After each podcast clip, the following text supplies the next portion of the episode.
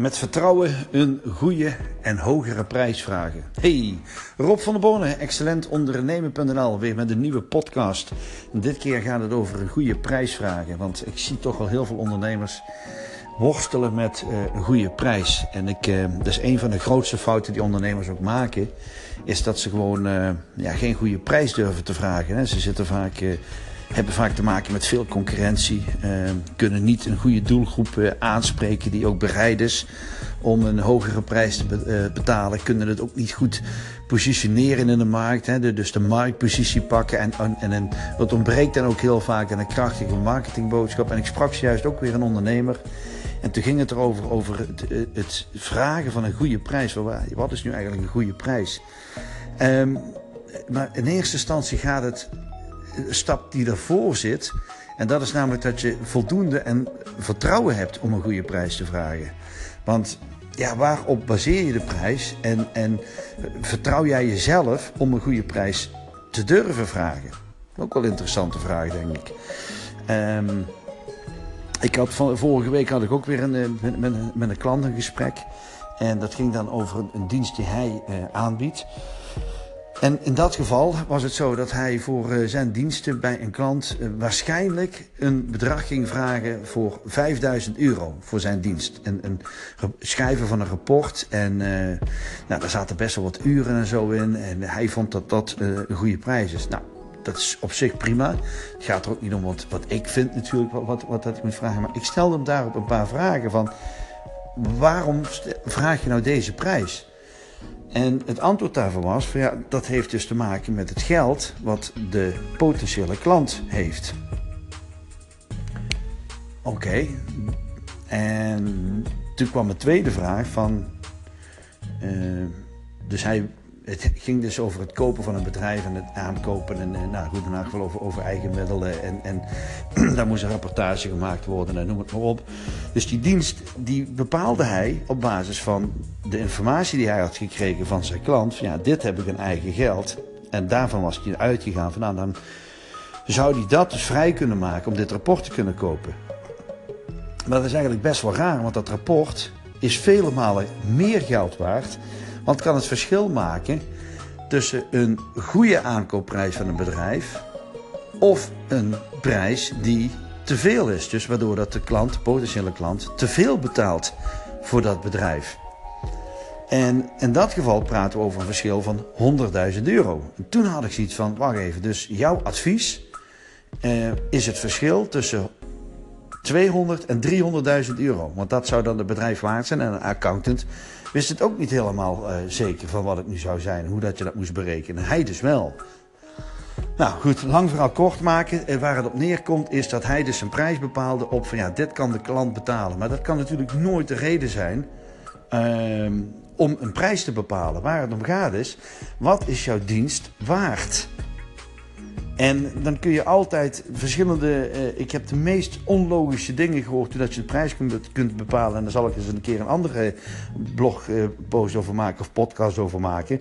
Waar het me hierover gaat. Is van ja, hoe bepaal jij nou de prijs? En durf jij met vertrouwen dus een hogere prijs te vragen? En in mijn optiek is het verschil tussen 100.000 of 200 of 300.000 euro voor een prijs, dus het verschil van 100.000 euro, meer waard dan een rapport van 5.000 euro.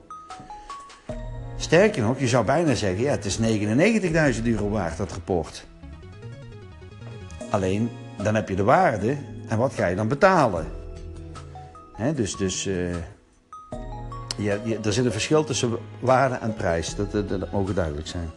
Nou, in elk geval, hij was dus, uh, mijn klant was dus ook zo van, ja, klopt eigenlijk wel. Uh, hij gaat dus niet zomaar meer vragen voor hetzelfde rapport, maar hij gaat dus nu een andere uh, dienst aanprijzen. Hij gaat een andere dienst aanbieden, waardoor dat hij waarschijnlijk 15.000 euro kan vragen. En als dat dat niet is, dan kun je altijd nog zakken met een andere versie van jouw dienst, door bijvoorbeeld 7.000 of 8.000 euro te verdienen. Maar daar zit wel essentieel verschil in, hoe snel dat je ook weer die 100.000 euro per jaar kunt gaan verdienen. En door zomaar uit te gaan van ja, de klant heeft maar zoveel geld of de klant vindt het dit waard. Ja, maar dat is dus niet de goede motivatie om een prijs te bepalen. Ik zou er echt, daar zou ik dus echt mee oppassen.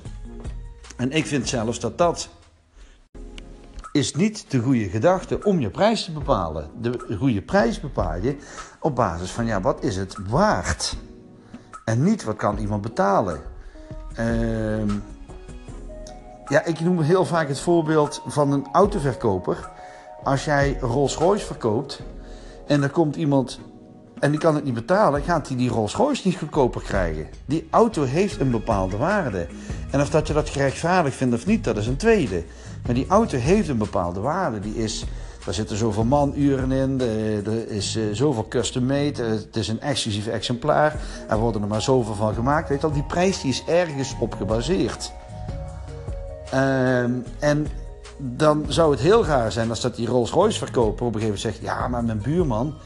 Uh, die, die, dat, is, dat is iemand met een modaal inkomen. Die kan die auto niet betalen. En daarom krijgt hij hem goedkoper. Ja, dat, zou, dat is. Weet je wel, dan zou je moeten gaan zeggen: Nou, dan ga ik naar een ander merk.